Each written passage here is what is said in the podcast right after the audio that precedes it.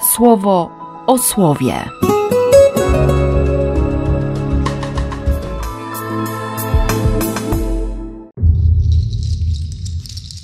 Jedenasty grudnia, sobota.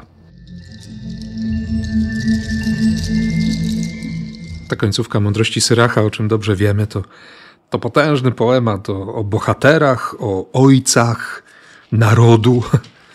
Chciałoby się powiedzieć o, o ojcach założycielach. Wychwalajmy też sławnych mężów i naszych ojców według rodowodu. To jest początek 44 rozdziału Mądrości Syracha i, i ciągnie się to wychwalanie aż do 50. Tak, do 50 rozdziału, 21 wersetu. I 48 rozdział jest poświęcony wielkim prorokom.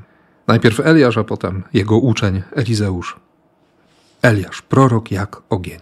Tylko kiedy e, siedziałem wczoraj nad tym słowem, myślę sobie, no tak, dobrze, to, to są już historie, które się wydarzyły. Nie? Z czym to słowo przychodzi do mnie dzisiaj? Bo te opisy cudów, znaków, odwołanie do pierwszej, drugiej księgi królewskiej, te wszystkie niezwykłe historie są historią, nie? są wspomnieniem, a słowo jest żywe. No i zatrzymało mnie ostatnie zdanie dzisiejszego czytania, jedenasty werset. Przykład tysiąclatki. Szczęśliwi, którzy Cię widzieli i ci, którzy w miłości posnęli, albowiem i my na pewno żyć będziemy. Przekład pierwszego kościoła. Szczęśliwi, którzy Cię zobaczą i którzy zasną w miłości, bo i my żyć będziemy. Czas przeszły, czas przyszły, a księgi greckie, w przekładzie Michała Wojciechowskiego, wydane przez Wokacjo, jedenasty werset tak redagują. Szczęśliwi, widzący Cię i w miłości, którzy spoczęli, i bowiem my życiem żyć będziemy.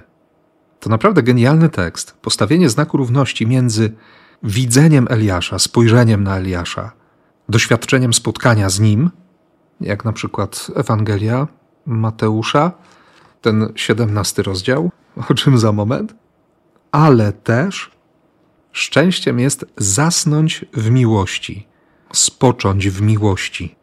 Kekoi memenoi, Pewnie, że tutaj jest odniesienie do śmierci, do końca życia, ale jednocześnie pomyślałem sobie, żyć życiem, gdzie Bóg, który jest życiem i daje życie, jest miłością, czyli żyć miłością, albo kochać życie, albo kochać życiem.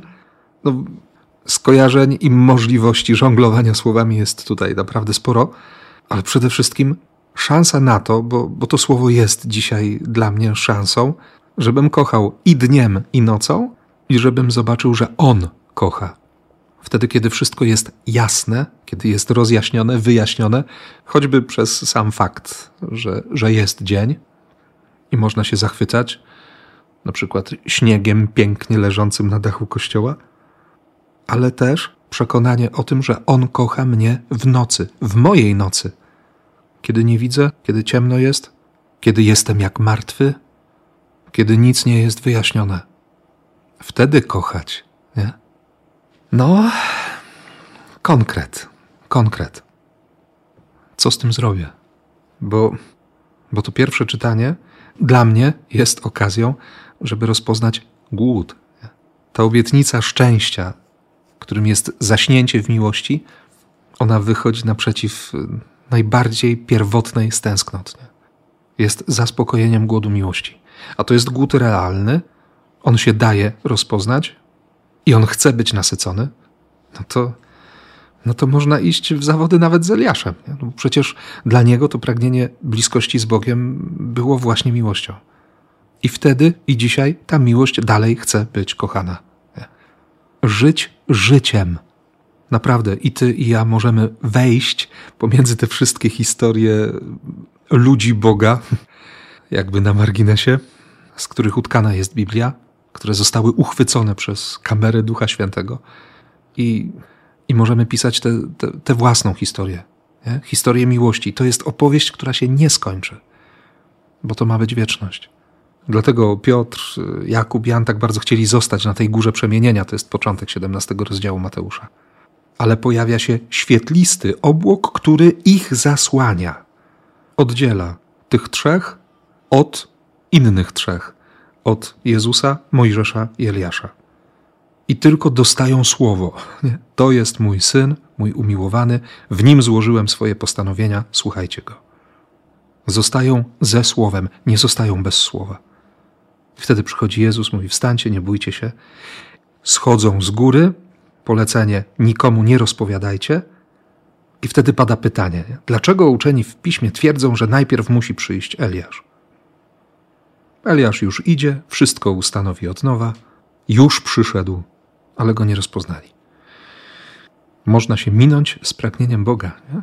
minąć się z Jezusem. Bywają momenty, gdzie trudno się ze sobą samym spotkać. Dlatego dzisiaj znów podczas Eucharystii porannej, podczas tych ciemnych rorat, bardzo dziękowałem Bogu za Kościół i, i za to, że, że właśnie we wspólnocie Kościoła mogę się uczyć otwierania serca i oczu, żeby nie przegapić, żeby nie minąć Jezusa, czy nie ominąć Jezusa, żeby się ze sobą też umieć spotkać. Czego i Tobie bardzo życzę i, i bardzo Cię na ten dzień błogosławię. W imię Ojca i Syna i Ducha Świętego. Amen. Słowo o słowie.